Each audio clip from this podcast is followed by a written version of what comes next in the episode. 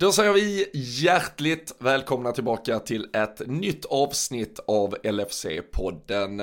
Ja, de kommer ju nu stup i kvarten, dessa avsnitt, och vi eh, Ah, vi får väl nästan ha överseende med om inte alla hinner med allting. Men eh, förhoppningsvis så ligger det ju något då och då som ändå passar perfekt in i ens kalender så att man kan få sig en helt aktuell uppdatering på vad det är som sker och eh, vad vi tycker och tänker kring vårt älskade Liverpool. Det är ju ett eh, avsnitt som kom inför Newcastle-matchen men som såklart fylldes till största del av eh, våra våra reflektioner och reaktioner på att Jürgen Klopp hade skrivit en förlängning med Liverpool. Så eh, har man inte hunnit med det här i allt valborgsstök och annat så kan man ju absolut gå tillbaka och åtminstone de första typ 40 minuterna från det där avsnittet är ju högaktuellt när helst man önskar här under våren. Men eh, just idag ska vi plocka ner det som skedde på St. James's Park. Vi ska blicka framåt framåt mot en eh,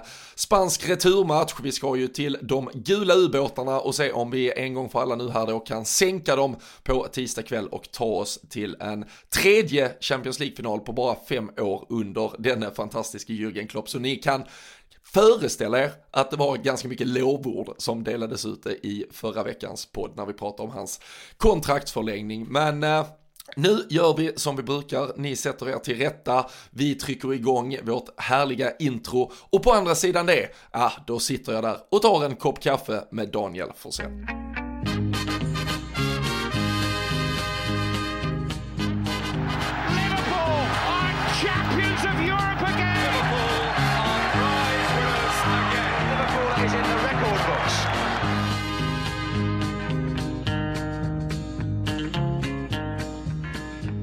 Jajamensan Danne, ingen rast, ingen ro, inte ens på arbetarnas stora nationaldag får vi någon tid att sova ut. Vi sitter här söndag den 1 maj klockan 09.30. Är vi, är vi liksom Sveriges schablonsbild av den hårt arbetande människan?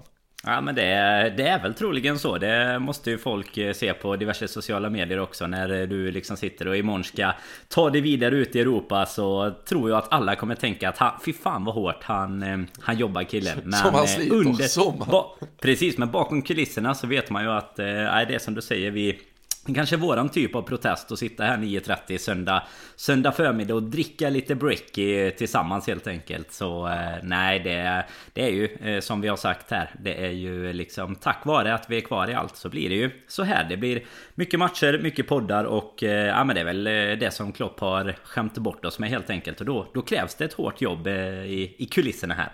Ja, så är det ju egentligen så sätt kan man ju säga det väldigt märkligt att vi sitter här förra då, vad är det, tre, fyra dagar sedan i torsdags och, och hyllar denne Jürgen Klopp. Det är ju han som har, mm. han ser ju till så vi behöver jobba så här jävla mycket och sitta här dag ut och dag in. Det var bättre på Roy Hodgsons tid. Då, då hade vi bara kunnat göra ett avsnitt i september och konstaterat att säsongen är över. Så hade vi kunnat komma tillbaka i, i juli och börja snacka upp nästa säsong. Jag tror det var därför Sadio Mané valde att missa typ två solklara lägen igår också. Bara för att han bara kände att vad fan vad mycket matcher det blir. Nu är jag förbannad, nu är jag förbannad. Nu bara lägger jag bort den så får man vila någon gång i alla fall. Men han fick ju lite ja. vila sen, eh, den gode Sadio till slut ändå. Så är det absolut. Och vi, vi får väl se, det kanske inte blir lika långt äh, som det brukar. Men äh, vi ska ju såklart ta ner alla godbitar och blicka fram emot det som kommer. Men ja men det stora, det stora samtalsämnet ute i uh, all nationell media egentligen, Danne, det har ju varit den stora beefen mellan oss från i uh, torsdags kring huruvida vi skulle vara rädda för detta Newcastle eller ej. Det det finns ju en, äh, menar, en gyllene mellanväg i mig här som vi säger att båda får rätt för resultatmässigt. Okej, okay, det blev bara 1-0. Du kan få ett litet pluspoäng kanske för det. Men herregud vilken utspelning. Med ett helreservbetonat lag så kunde ju detta, du nämner Sadio Mané och missade lägen. Det var fler som adderade till det protokollet och det kunde ju lika väl ha blivit 4-0 eller 5-0 och eh, ja det är klart med tanke på att City åkte till Ellen Road och gjorde just fyra så hade man väl velat se fler mål men det här handlar ju om att få job done och eh, det gjorde vi ju med all önskvärd tydlighet egentligen. Ja men verkligen och nu när det som du nämnde här till en start är eh, den, eh, den liksom röda nationaldagen på något sätt och alla ska med så får vi väl Ah, jag får väl godkänna att eh, även du får ett litet rätt här nu då Men eh, nej det är ju precis som du säger Resultatmässigt eh, ser man det utifrån man inte har sett matchen Så ser det ju jättetufft ut liksom att oh, ett 1-0 och just tittar man bara isolerat på målet Så tyckte väl Newcastle-supportrar och typ alla andra förutom Liverpool-supportrar Att det skulle vara en frispark när James Milner går in och gör en Helt underbar tackling egentligen tycker jag Men det, det tycker ju eh, den objektiva också Det är ju bara såklart att alla vill se oss, eh, oss förlora Men tittar man sen på statistiken och framförallt om man har tittat på matchen såklart så eh, så kan man ju bara konstatera att du borde fått alla rätt här. Det borde ha blivit, ja men i alla fall 4-0 liksom. Vill du, vill, du ha vill du ha statistiken så vi bara sätter den på pränt för att kanske få med folket där ute för på den som eventuellt inte hann se ja, den vilken som spaning brände, det var jag hade. Ja, den ja. som stod och brände någon skog igår istället på valborgsmässoafton och bara brände matchen. Den, då, då får man eh, upplägget här nu. Ja, det var alltså 66-34 i bollinnehav, 19-3 i skott, 10-2 i skott på mål, 6-0 i hörnor och sen kan du ju gissa hur många gånger Newcastle sprang offside och då därigenom skapade målchanser som alltså inte var målchanser. Det behöver man ju förtydliga när man diskuterar Liverpool nu för tiden. Ja, alltså jag tror ju att det, det, max var typ eh, två, tre stycken som gick till en farlig målchans. Men sammanlagd offside är väl eh, 12 kanske? Ja, nio faktiskt. Okay Sen äh, kan det ju, det, det, är väl de som har blåst av, vissa lämnar man ju bara fördel på också. Ska ju ja, det, men det är ju någon, det är någon precis som vi har pratat om innan som går till typ ett, eh, det would vara, tror jag, som går till ett ett mot ett läge mot Allison. Men som liksom ändå mm. blir offside och som, som ju ser lite farligt ut när, eh, när man tänker det ska... på det. Men så det är ju det är liksom inte ens ett läge, alltså det, det är Nej. ju bortblåst sen länge egentligen. Och det, var, det tyckte jag var konstigt faktiskt igår när vi ju får, eh, får en hörna egentligen kan man säga i första när det är väl Emil mm. Kraft som är där och tar bort Exakt. den. Då var dom, linjedomaren jäkligt snabb upp med flaggan på Sadio Mané när det var liksom riktigt, riktigt tight. Så sådana lägen idag spelar man ofta alltså, vid. Ja, ja, så, ja, absolut. Det är ju så man vill ha regeln. För, för som sagt, an, annars har ju Mané indirekt drivit en fördel av att ändå kämpa fram en hörna. Han pressar ju fram att Kraft måste rensa mm. och får vi sen slå en hörna och så knoppar van Dijk in den så har vi faktiskt fått hörnan på fusk så att säga. Så det, så det tycker jag är bra.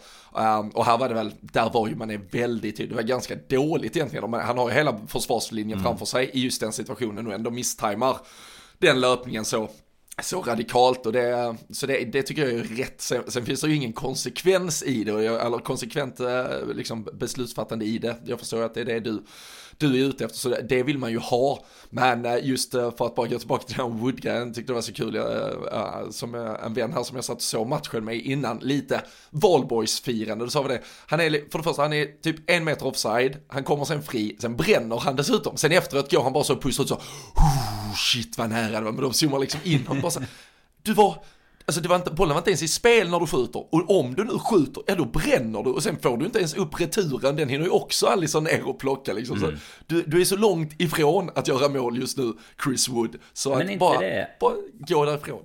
Ja, jag tänker inte det är lite det här klassiska läget som vi har snackat om innan. Men alltså problemet med att det är en ganska solklar offside och varför man borde dra upp flaggen direkt. Det är ju att sätter han den bollen så kommer du ju ha liksom, ja vad är det om 57 000 eller någonting på St. James' mm. Park liksom. Som, som kommer ducka igång, veva igång. Det var ju bra stämning i, i början av matchen i alla fall. Och de, de pratade liksom under sändningen hur, hur elektriskt det var. Nu tyckte jag i och för sig att det avtog ganska rejält. Men det var ju i början i alla fall var det ju ett bra tryck liksom. Och Ja men är det klart, gör de mål då? Eller de känner att de liksom, oh nu är vi nära att göra 1-1. Då blir det ju lite så här, ja men falska förhoppningar som gör att eh, publiken också kommer igång. Sen är det väl jävligt trevligt att spela med eh, liksom lite Lite påeldat av publikhavet Men det är ju bara fördel i så fall Eller det är liksom en nackdel för oss såklart Om Newcastle känner att de på något sätt lyfts fram Även om eh, Om det kanske var det precis som vi pratade om inför matchen Det var väl det som var var kanske våran bra grej i matchen, alltså varför vi också kunde skapa ganska mycket var ju att man, man märker ju att de spelade med ett typ av självförtroende som du egentligen ja. inte ska våga spela med mot Liverpool. Alltså de pressar högt, de ja, stötte på bra. Bakom deras ytterbackar var det ju, alltså det var ju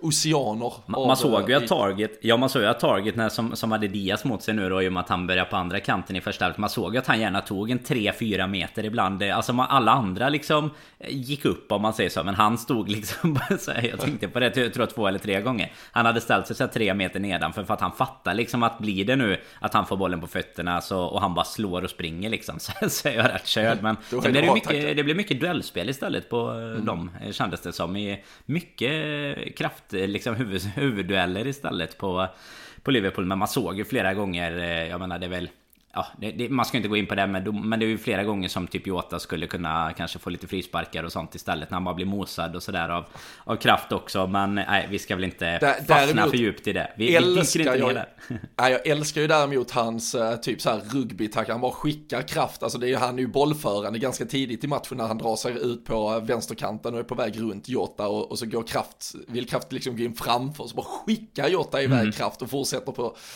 tåga på uh, på eh, kanten. Men nej, det var ju lite, det var lite tufft att ha. Jag tycker uh, egentligen, alltså nu, nu ja, kors i taket, men jag ska fan berömma Andrew Mariner. Jag tycker, jag tycker han ändå gör det ganska bra övergripande igår. Sen, bara för att avsluta där offside-diskussionen så är det ju också att med all respekt för Chris Wood, men att ha kontroll på bollen och hur han ska ta sig fram i ett eh, en mot en läge och där är ju risken att han, han slår den två meter för långt framför sig, Allison går ut och han kommer typ glidande med dubbarna in i bröstkorgen på Allison eller något, att du får ju ett, du får en skadesituation mm. också i det en mot en läget där jag tycker att nu var ju denna, den var inte extrem, men vi har ju verkligen sett situationer där det har varit tydliga av sig, där vi måste ha snabbare flaggor för att inte få uh, de där en mot en lägena. Men äh, nej, Allison fortsätter att rädda dem. Eh, det var ju Sky Sports, eh, det var väl efter Everton-matchen som hade tog fram den där statistiken på, på hur bra han är i sina expected saves uh, i uh, one-on-ones. Jag tror han har uh, sju eller åtta fler räddade mål än vad man hade förväntat sig och då, då, då vet vi att Liverpool redan har släppt in väldigt få mål och dessutom då att vi uppenbarligen har gjort den ekvationen så att alla jävla Hasse Backe-varianter kan ju sluta sitta nu i alla studios och, och kommentera att vi har en hög backlinje för ja, vi har en jättehög backlinje vilket ger oss jättemycket fördelar offensivt och sen har vi en yta som vi uppenbarligen vill nästan sätta en anfallare i om de nu ska få en chans att göra mål på Allison, för där är han så jävla mm. bra. Så det är det, det avslutet, om de nu ska ha något avslut, då vill vi helst att de har det avslutet. Ute ganska snett långt ut i ett straffområde med en Allison som står redan en meter framför fötterna på dig när du ska avsluta. Så, äh, nej, jag tycker ju, och vi kan väl bara summera, så alltså det är ju en, det är en briljant match av, av Liverpool rakt igenom. Uh, Joe Gomez, Matip kommer in i backlinjen. Hade Kostas Simikas inte haft diarré förra veckan hade han säkert kommit in mot uh, Andy Robertson också. Uh, mittfältet mer eller mindre, Henderson såklart är kvar men annars roterar det fullt ut. Diogo Jota är ju som du nämnde, han är ju tillbaka lite i en roll där han är numera rotationsspelare och inhoppare. Det har ju ändå satt sig vad som är vår ordinarie fronttrio när det ska in och delas ut pokaler här de eh, kommande veckorna. Men eh, det visar ju på en truppbredd och man, man, känner väl lite kring eh, eh, från Klopps i att eh, där är ju ett par frilägen som sagt som missas i första halvlek där han känner att ah, vi hade ju gärna fått döda matchen tidigare men summerat över 90 minuter så, så tror jag ingen utan liksom eh, den Liverpool-sympati vi har. Så att du bara helt objektivt och tittar på matchen så måste du ha känt att Liverpool joggade förbi och det, det var väl så man mm. hörde i studion också när, när Bojan med flera plockade ner det att eh, det, det, är ju den klassiska, typiska mästarsegern från ett lag att åka och göra det här jobbet mitt i då en Champions League-semifinal också. Nej men så är det ju absolut och det är ju som Som du nämner det, det är väl en liten del av liksom en spridd journalist kår som fortfarande tror att eh, det, det, är ett problem som Klopp har att han ställer en hög backlinje. Så tittar du på liksom de som följer Premier League och sen eh, man tittar på sociala medier och, och brittisk media och sådär så är ju det liksom ett... Eh, alltså det narrativet finns ju inte ens utan där är det ju bara att prata om... Typ när de intervjuar van Dijk inför matchen liksom så är det så här, ja ni är ju kända för den höga backlinjen som ställer mycket offside. Alltså de kommer ju in med den infallsvinkeln och det är ju precis... Det är liksom hela matchen genomförs ju på något sätt i liksom Ja men precis den modell som Klopp vill att det, att det ska göras. Jag menar både med, med försvarsspelet. Vi har våra offensiva ytterbackar i Gomes nu då som vikariera och, eh, och Robertson. Så att liksom det är ju... Och båda kommer ju till många inspelslägen och sådär också. Vi har bra fart på offensiven och, och som du nämner det sista där egentligen så är ju att Diogo Jota är tillbaka i någon sorts eh, lite såhär supersub position eller roteringsposition. Men då det, det är ganska tacksamt att ha honom istället för många av dem vi tidigare har suttit med. För nu kommer han ju, nu gör han ju assist assist till målet där. Ett litet fint ja, men väggspel typ med, mm. med Keita. Och riktigt, riktigt kyligt av Keita. Den, målet gillar man ju riktigt mycket när han drar Dubravka först och sen men boxar in den mellan ja, två eller tre Newcastle-backar där också. Så det, jag tycker ändå alltså att de spelarna kommer till så mycket rätt. Jag menar Kita kommer ju kanske inte ens till sin rätt i ett bra mittfält eh, tidigare. Men man märker också vad både självförtroende och eh, ja, men, nå, någonstans liksom den, det stöd du får från att du faktiskt eh, vet om att du är, är uttagningsbar. Och sen såklart då att han har klarat sig från lite skador och sådär. Och, och som du eh, sen skrev i, i våran grupp där i halvtid. Det är jobbigt jobbigt att veta liksom att Salah, Thiago och Fabinho ska komma in också som Newcastle-spelare. Det var, ju, ja. det var ju exakt det som hände och det blev ju inte sämre. Jag menar Salah har ju han satt ju med binden i, i en annans fantasylag med så att han skulle ju gjort i alla fall två baljer Han har ju ett det friläget som, som ska göras. Och sen, sen blir det ju inte Han ska ju serveras av, han ska serveras av Jota också till ja. ett där... När han bara ja. bombar på helt enkelt. Men det, det, är ju som, och de, tar vi de två lägena. Vi har Mané har ju minst som jag sa två lägen som egentligen ska sitta. Två skott, ett ja. ganska tafatt och sen har han det inspelet från Gomes eller vem det är nu som kommer på ja, kanten liksom. och bara ja, dem i stolpen. Utanför, precis. Så att jag menar, och Milner har något skott ut. Alltså vi har ju lägen för i alla fall 4-5 mål så att... Eh, ja, och där är ju precis innan målet är, för då hade jag riva håret lite här av eh, Keitas beslutsfattande när han tar det här skottet som, som visserligen tar en touch ja, och ska vara en hörna, men där är ju, vi fyller ju på med, för det första är det en uppspelsfas i samma anfall där vi hade kunnat lägga över den så hade vi ju överblastat typ 3 mot 1 på vänsterkanten, men sen när Keita väl får den och ska ta beslut så är ju Robertson och det är ja. väl Milner och någon till som är liksom helt fria i, i straffområdet men så tar han det skottet så det fanns ju lite med skärpa och det, det får man väl också Alltså, nu, nu, är det väldigt lätt att sitta och säga det efter att man ändå har vunnit med 1-0 och, och, tagit de tre poängen som alltid är viktiga. Men, men man kanske i det här läget av en säsong får acceptera att beslutsfattandet inte är 100 och skärpan 100, 100, 100 procent för det. Det är så mycket, det handlar bara om att som vi sa, alltså göra jobbet. Sen, sen hade du såklart kunnat, om det här var ja, andra matchen för säsongen och det var 10 till nästa, då hade du säkert suttit och analyserat och diskuterat och tänkt vad kan vi göra bättre, hade det funnits något att twerka på här, men nu, det är ju match om, ja, om 56 eh, timmar eller någonting mm. uh, i, i Spanien, så det, det är ju bara att packa, packa lilla necessären och sätta sig på fly, eh, flygplanet och, och sticka och börja ta tag i, i nästa uppgift, så så just nu går det ju inte att, att sitta och analysera för mycket i detalj så heller, utan det handlar om att ta poängen, det handlar om att vinna, uh, vi gör det jobbet och uh, sen återigen nu, jag förstår också att det är inte så jävla många räddningsplankor kvar men, uh, men just på Ellen Road var kanske inte där man trodde att Manchester City om de nu ska tappa något skulle göra det. Nu äh, blev det ju, vi pratade väl under sändning förra veckan om, om West Hams situation i ett Europa League-slutspel. Nu har de ju 2-1 underläge inför returen så eh, ska man heja på något lag i Europa League så är det ju Frankfurt för då, då ryker ju West Ham där och har mycket mer att spela för i, i säsongsavslutningen och sen ett Wolverhampton som visserligen är väldigt utcheckat och, och skämde ju i stort sett eh, ut sig igår i alla fall resultatmässigt mot, eh, mot Brighton. Men, men vi har sett City ha det tufft mot dem för så där, ja, det är någon sista planka kvar. Men just mot igår ser man ju både i Liverpool och City varför vi är där vi är. Vi, vi åker ju och gör jobb på, på ett sätt som inga andra lag i den här ligan har gjort och, och som du inte riktigt heller ser i andra ligor just nu utan eh, det, det är två lag som, som, som, spelar på en egen nivå. Vi har ju, vi stänger ner en aprilmånad med nio matcher och uh, utöver då att kontrollera bort uh, Benfica med 3-3 hemma och sen åka och spela 2-2 på Etihad så är det ju idel vinster, idel avancemang och ja, en oförändrad då fantastisk utgångsposition i ligaspelet om det då inte vore för detta jävla Manchester City. Så det är, nej för fan, där är det bara, tåget bara rullar vidare, så är det ju.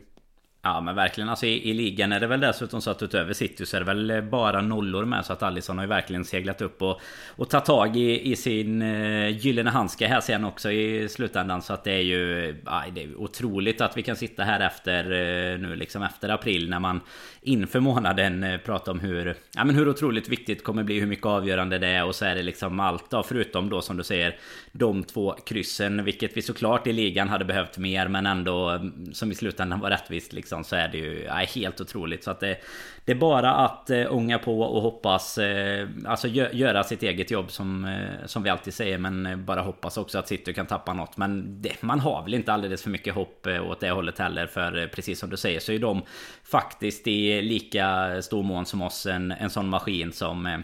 ja, som går dit och gör det. Jag såg fram till tvåan i, igår på Ellen Road liksom. Alltså Leeds startar ju bra, gör det bra men du vet så fort de får en liten yta, de får en fast situation eller någonting så så är de ju skarpa som eh, satan. Så att det är ju Det kommer vara tufft. Men eh, vi har ju mycket annat att spela för också som tur är. Jag menar det, det är ju liksom så här Sjukt att säga. Men eh, om nu City skulle vinna allt i, kvar i ligan så har vi fortfarande två andra titlar att spela för. Men Kommer väl inte ställa in skorna någonstans utan det är bara att, att gasa på. Och nu, eh, nu är det ju som sagt, alltså nu när det inte blir som du säger någon, påverkan i och med att vi ändå vinner med 1-0 så sitter man ju inte och reflekterar över det. Men det är ju tyvärr precis så här som det varit i de matcherna där vi har tappat poäng. Vi har ju väldigt ofta varit väldigt dominanta och så kanske inte skärpan riktigt har varit där och så tappar man in ett mål. Alltså om man går tillbaks till förra säsongen också till exempel. Men mm. eh, det ska vi fast inte göra nu utan nu, nu är det maj och nu ska vi bara blicka mot liksom säsongsavslutningen här.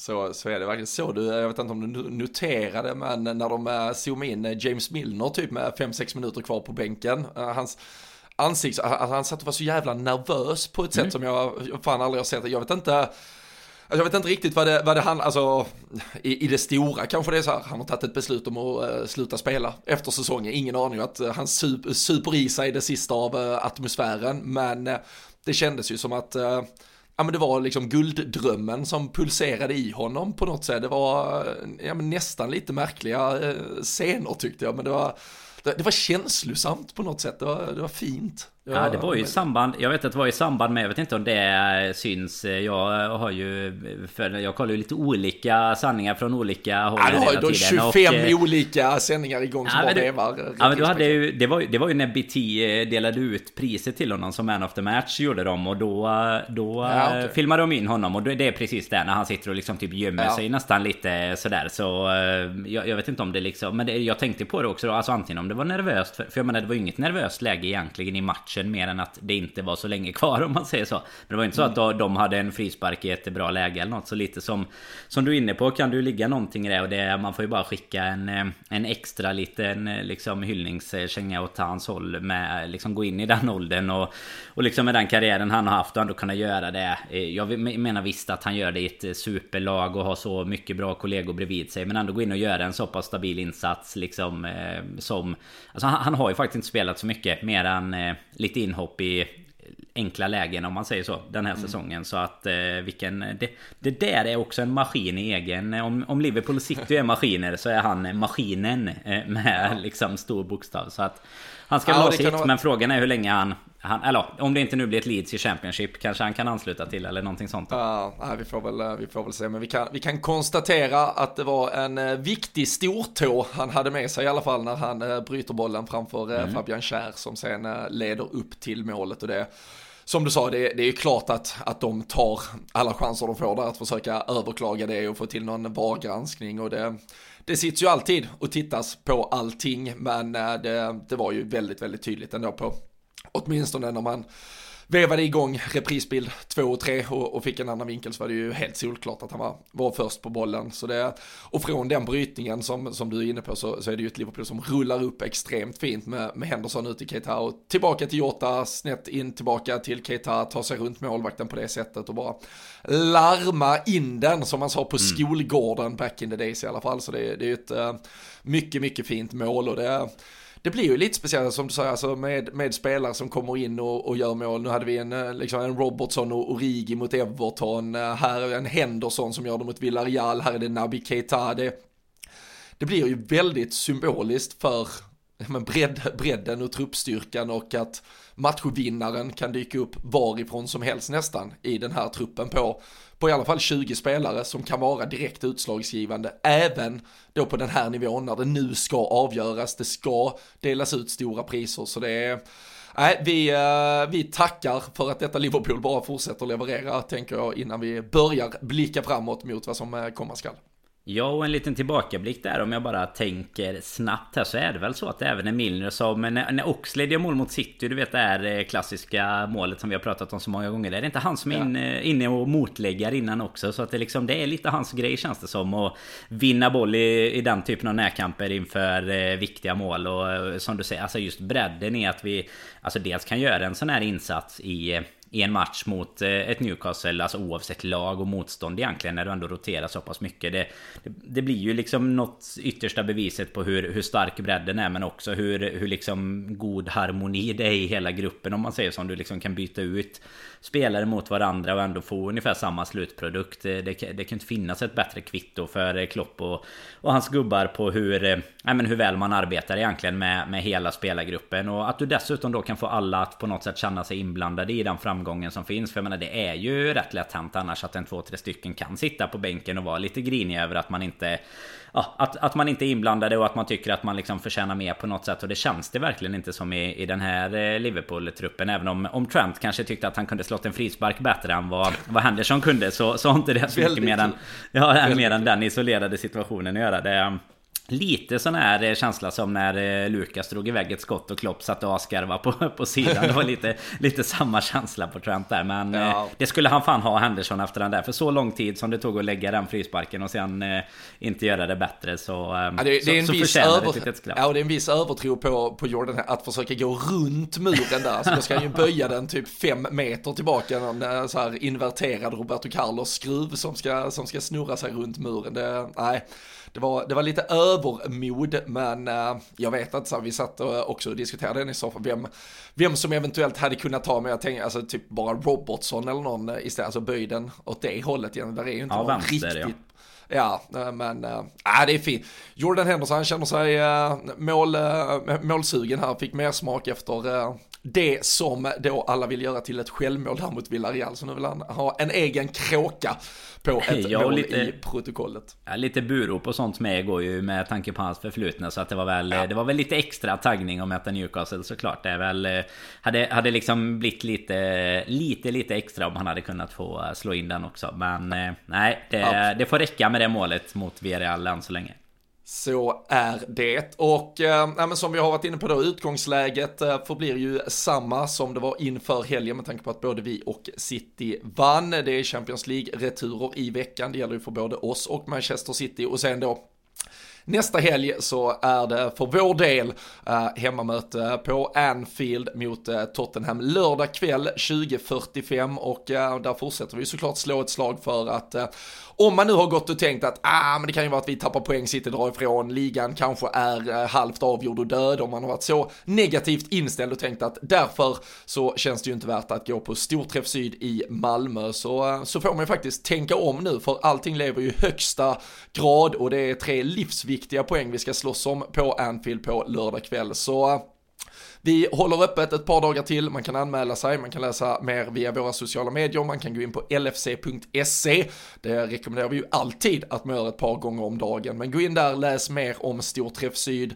Anmäl er, uh, kostar bara 299 spänn, då ingår uh, bowling, mat, bärs och uh, en jävla trevlig kväll. Sam Dodds dyker upp med lite Lite utlottningar, lite priser, chansen att eh, shoppa loss eh, till sig själv också här inför vårspurten och avslutningen av säsongen. Så eh, se till att kom till Malmö. Är ni från ja, men Skåne med omnejd egentligen, samla era polare, ring upp gamla grabbgänget eller damklubben eller vad ni än är för något kompisgäng. Samla er, dra till Malmö och så har vi en eh, jävla trevlig lördagkväll helt enkelt. Det kommer bli, ehm, kommer bli storartat eh, tror jag och väldigt, väldigt kul att sitta ett hundratal supportrar tillsammans och följa det här och eh, ja, men just få det serverat sådär, mat, dryck och allt däromkring för en billig peng. Det, kan väl inte slå fel tänker jag. Så uh, läs på mer, uh, in och anmäl er till uh, Storträff Syd så ses vi i Malmö på lördag. Men eh, innan dess Danne så ska det ju spelat, eh, spelas Champions League-fotboll. Vi var inne på det, du var inne på att eh, man kunde rotera här i Liverpool och ändå göra jobbet. Eh, Villarreal försökte samma sak här mot Deportivo Alaves under lördagen. Man eh, plockade ut eh, både första keeper Rulli till exempel exempel. Lo Celso, Foyt, Capo och ett par spelare till fick vila. Eh, Danjuma var faktiskt inte alls i truppen och eh, Gerard Moreno var inte tillbaka nu heller, men eh, då blev det inte samma mästartakter från det här Villarreal som ändå ligger en par, ett par poäng från eh, toppen i Spanien just nu. Man förlorar mot ligajumbon Alaves med 2-1 och eh, visst, de har väl kunnat spara lite kraftande, men eh, det skrämmer ju inte en när man ser att det är John Guidettis gamla trötta Alaves-gäng som lyckas ta eh, tre poäng mot eh, detta Villarreal. Nej, oavsett egentligen rotation och sådär. Alltså när du, när du bara läser upp liksom vilka namn det var som fick vila så kände man inte heller att man... Att, jag, jag började inte darra direkt när Foyt liksom fick vilan här men...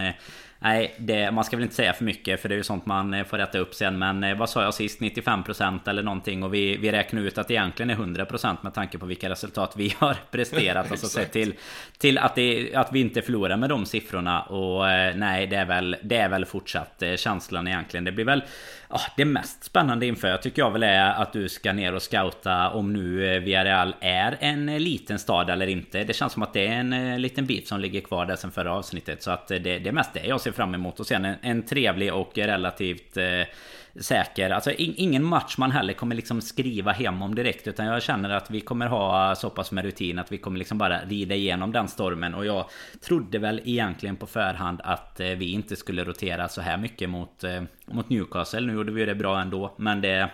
Det innebär väl också att våra Big Guns är redo för eh, tisdagen här och då eh, Nej, då, då kan jag gissa mig till att det blir 2-0 eh, återigen till oss faktiskt.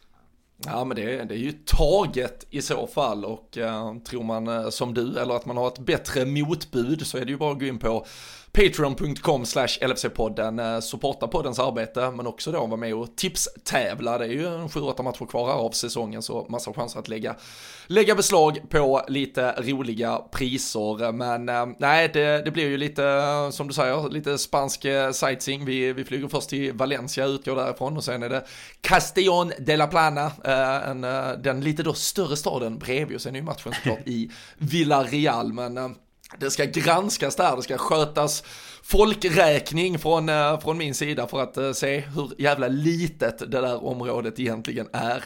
Men eh, nej, det blir ju, jag, jag skulle säga ur ett egoistiskt perspektiv att, att åka till en retur-semifinal för att följa den så är ju nästan 2-0 utgångsläge perfekt. Hade vi vunnit med 5-0 hemma hade det ju varit game over. Då hade det varit de där 100 procenten. Hade det varit 0-0 eller man till och med hade förlorat, då hade det varit nervös in i helvete. Ska man orka? Ska vi klara vända mm. detta? Nu känns det som att vi har förutsättningarna att vi kommer att spela på ett resultat där Villarreal ändå såklart med all rätt och det är klart de måste känna att de har en god, eller inte god, men de måste ju känna att de har en chans och så här nära en Champions League-final vet de nog aldrig när de kommer igen så de måste ju ta tillvara på det.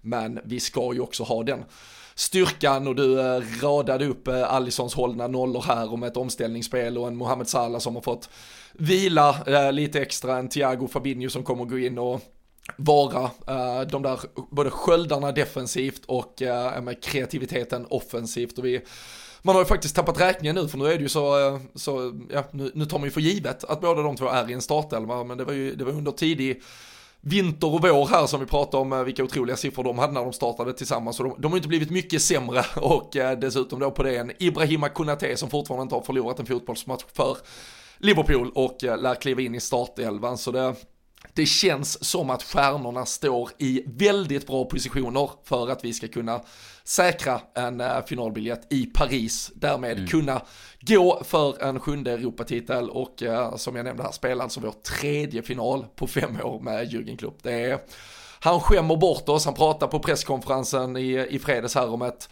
ja, men ett Liverpool som vill, vill skapa minnen, saker och ting. Vi pratade om det förra veckan, där saker man kommer sitta på puben och, och skråla och skravla om hur uh, otroliga minnen och resor man fick vara med om. Han sa det, vinner vi fler titlar, vem vet, kanske, förhoppningsvis, men när vi väl summerar det, då ska vi ha en jävla massa minnen att ta med oss och det, det får man säga att han har levererat och gett oss med, med råge. Ja, och det är väl även det som, eh, som supporterskapet i mångt och mycket handlar om. Jag menar till och med under tider som eh, med Roy Hodgson eller med föregående amerikanska ägare och sånt så kunde man ju fortfarande ha... Man, man, har ju roliga minnen från den tiden även fast man har eh, en hel del eh, mer tråkiga fotbollsmässiga minnen. Men jag menar det är ju precis som... Eh, som du är inne på, ju mer ju fler Europakvällar, ju fler eh, liksom finaler och, och, hela den biten så blir det ju också såklart mer fotbollsmässiga minnen som man kommer ha med sig om. Eh, och oavsett om det liksom hade tagit stopp idag så hade man ju Hade man ju fortfarande pratat om den här tiden som, eh, ja, som en av de eh, liksom stora gyllene tidsåldrarna. Och, och går man tillbaka just till ja, inför matchen som vi har nu så är det ju egentligen nu, nu tror jag också att vi kommer få Få se ett väldigt starkt lag med tanke på att vi inte spelar innan, innan sen kväll egentligen lördag heller. Så att jag menar nu har vi rätt mycket tid emellan. Det enda man kan tycka är lite synd nu om man ska vara så mycket som våran Jürgen Klopp skämmer bort oss så, så var det ju att City vann med fyra, vi vann med ett liksom. Och skulle det i slutändan bli en målskillnadsaffär så börjar vi ju nu vara väldigt nära varandra. Om jag minns rätt så är väl vi ett ja. plusmål eh, före dem. Vi har gjort eh, två fler och släppt in ett mer om man säger då. Så att eh, det, men, men det, där hoppas vi väl inte att vi ska behöva hamna. Då får de göra någon sån här Serie A-grej och köra omspel eller vad, vad det är de brukade göra förr i tiden i alla fall. Nej, och det är som ska säga enda situationen vi kan komma i det, för det är, ju, det är ju en poäng de är för oss, det är ju vid ett läge där de förlorar en match och vi kryssar en mm. match. Så det är fortfarande, vinner vi alla våra matcher så så räcker det bara med att City på något sätt, då kan det inte bli målskillnadshistoria på något sätt, då kommer antingen City vinna det, eller så kommer vi vinna det så länge vi vinner allting. Däremot så är det ju till exempel om vi kryssar mot Tottenham, så kan vi ju då med ett bättre målskillnadsläge inför sista omgången. Hoppas att de förlorar och ändå klarar det. Men eh, jag tror inte det är där vi ska lägga våra ägg Danne, utan det handlar nog om att så. Ja, det vi, känns vi inte som att båda allt. ska tappa. Ja men precis. Nu med, med så få matcher kvar så känns det inte som att båda kommer tappa någonting. Och, och görs det så...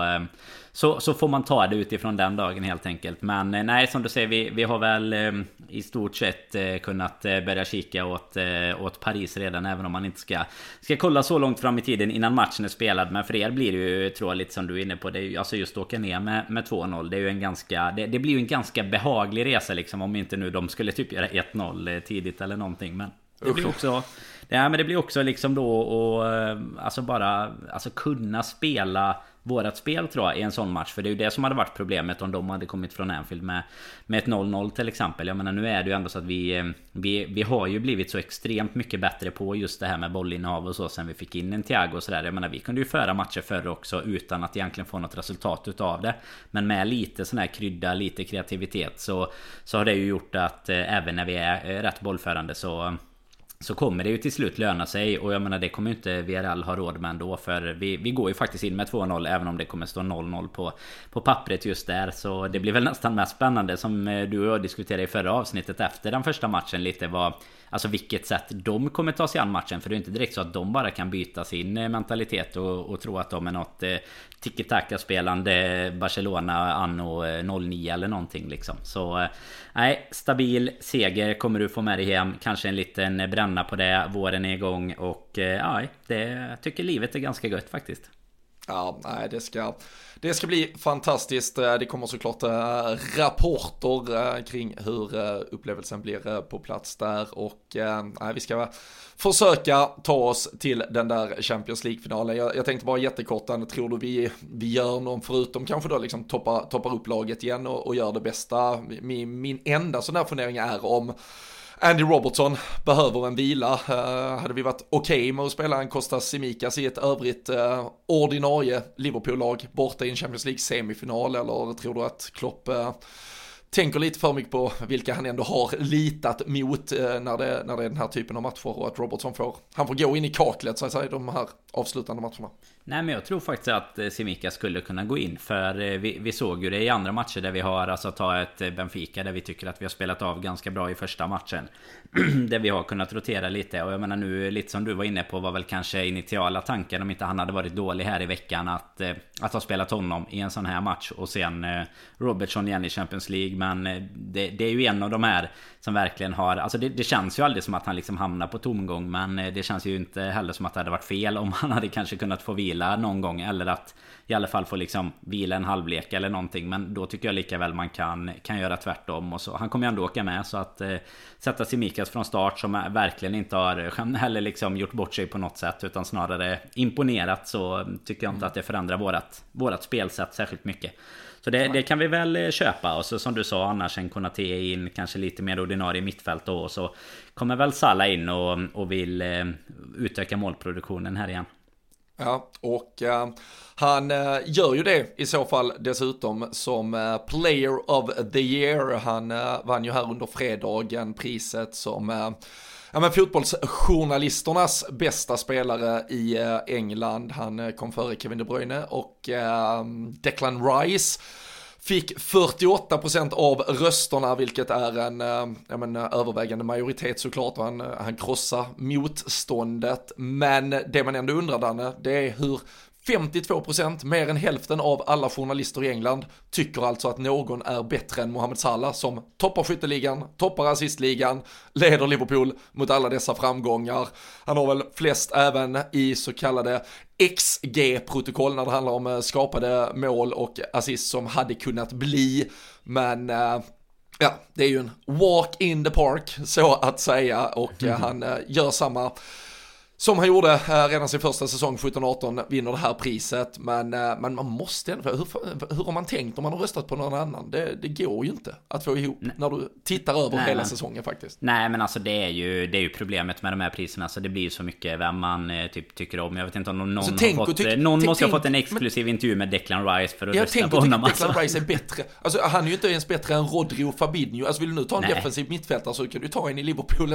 Men han är ju engelsman, landslagsspelare. Jag vet varför han har fått rösterna, men det är ju vidrigt. Alltså, jag, jag, jag vill veta hur många procent Jordan Pickford har fått bara för att han är engelsk landslagskeeper ja. också. Han har säkert någon liten procent där, någon som har varit ute. Men, nej, men det är ju helt, alltså jag, jag kan förstå att du, du säger, eller egentligen kanske inte heller, men alltså du kan ändå, du, du måste liksom ha någon du argumenterar emot om man säger och då är det väl en, en Kevin De Bruyne som fortfarande är så utslagsgivande för ett city liksom. Men det går ju inte, alltså du, titta på matcherna, titta på statistiken. Det, det går ju inte att egentligen ligga under 85% på, på Salah liksom. Och, men till och med alltså, som vanligt egentligen då. Guardiola var ju också ute och tyckte lite att ja men de här priserna är ju redan ut, utredda på förhand liksom och sådär. Men man bara säger ja men vad tycker, alltså var, varför skulle det inte vara han som leder skytteligan och assistligan. Om du nu inte då har emot dig att det är en, att det är en back eller en målvakt då som har varit så här otroligt fenomenal. Men du kan ju egentligen inte argumentera för att en annan Alltså från nästan på defensiv mittfältare och framåt kan jag tycka. För jag menar de,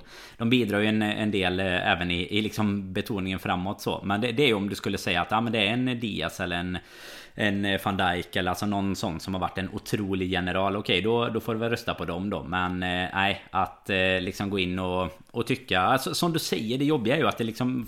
Även om han har en övervägande majoritet bland dem du röstar på så är det fortfarande så att en majoritet tycker ju inte då egentligen att det ska vara Salah. Även om de nu såklart är uppdelade på... De 52 procenten är uppdelade på, eh, på väldigt många. Men eh, nej, det är... Det är väl bara att, att slå eh, klubban i det att det är väl alltid så när det är liksom den typen av omröstningar. Det, det finns eh, andra saker som tydligen spelar roll än eh, att vara bra på fotboll också.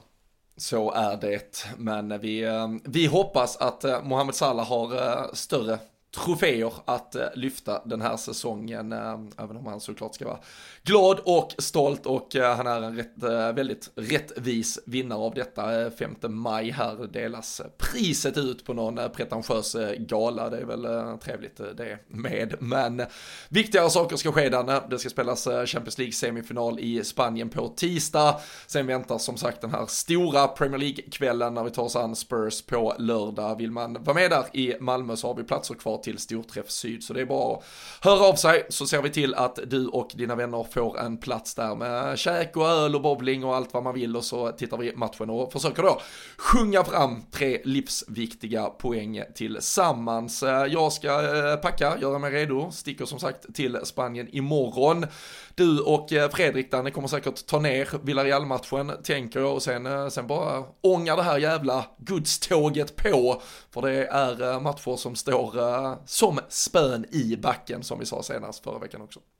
Ja men så är det ju. Det är väl till och med så att vi spelar väl en, en Premier League-match borta mot Steven Gerrard där också efter eh, Spurs och sen är det fa Cup-final och sen nej, är det lite det Premier League till som ska avgöras nej. och sen så är det eventuellt någon match kvar då. Så eh, nej, fy fasen poddtåget kör snabbare än någonsin och det gör klubb Klopptåget med och eh, man vet ju att de går på ungefär samma bana efter startelvor och sånt sist. Även om han inte lyssnar på mig nu sist då. Men då fick han ta ditt parti för en gångs skull. Så, så, är det. Så är det. Han, han hänger med och äh, vi bara kör vidare. Vi, vi älskar att äh, Jürgen Klopp har försatt oss i en situation där vi behöver sitta och podda på söndagmorgnar för att få ihop det mellan alla avgörande matcher som spelas. Vi, vi hoppas att ni fortsätter att lyssna, att ni gillar det vi gör här. Vill man eh, ja, supporta podden lite så går man in på patreon.com slash LFC-podden och sen kan man ju då också genom att vara Patreon vara med på alla de här eh, tävlingarna inför varje match. Så smit in där, ta en titt. Vi ses förhoppningsvis i Malmö på lördag inför Liverpool-Tottenham. Annars så finns det säkert andra möjligheter. Vi kommer i alla fall att höras här i den här varianten väldigt snart igen. Var så säkra. Men eh, tills vi hörs och ses, ta hand om er, ha det så bra. Förhoppningsvis njuter ni av en solig, ledig söndag och eh, vi har bara fått hålla er sällskap en dryg halvlek här. Men eh, ta hand om er så hörs vi och ses vi snart igen.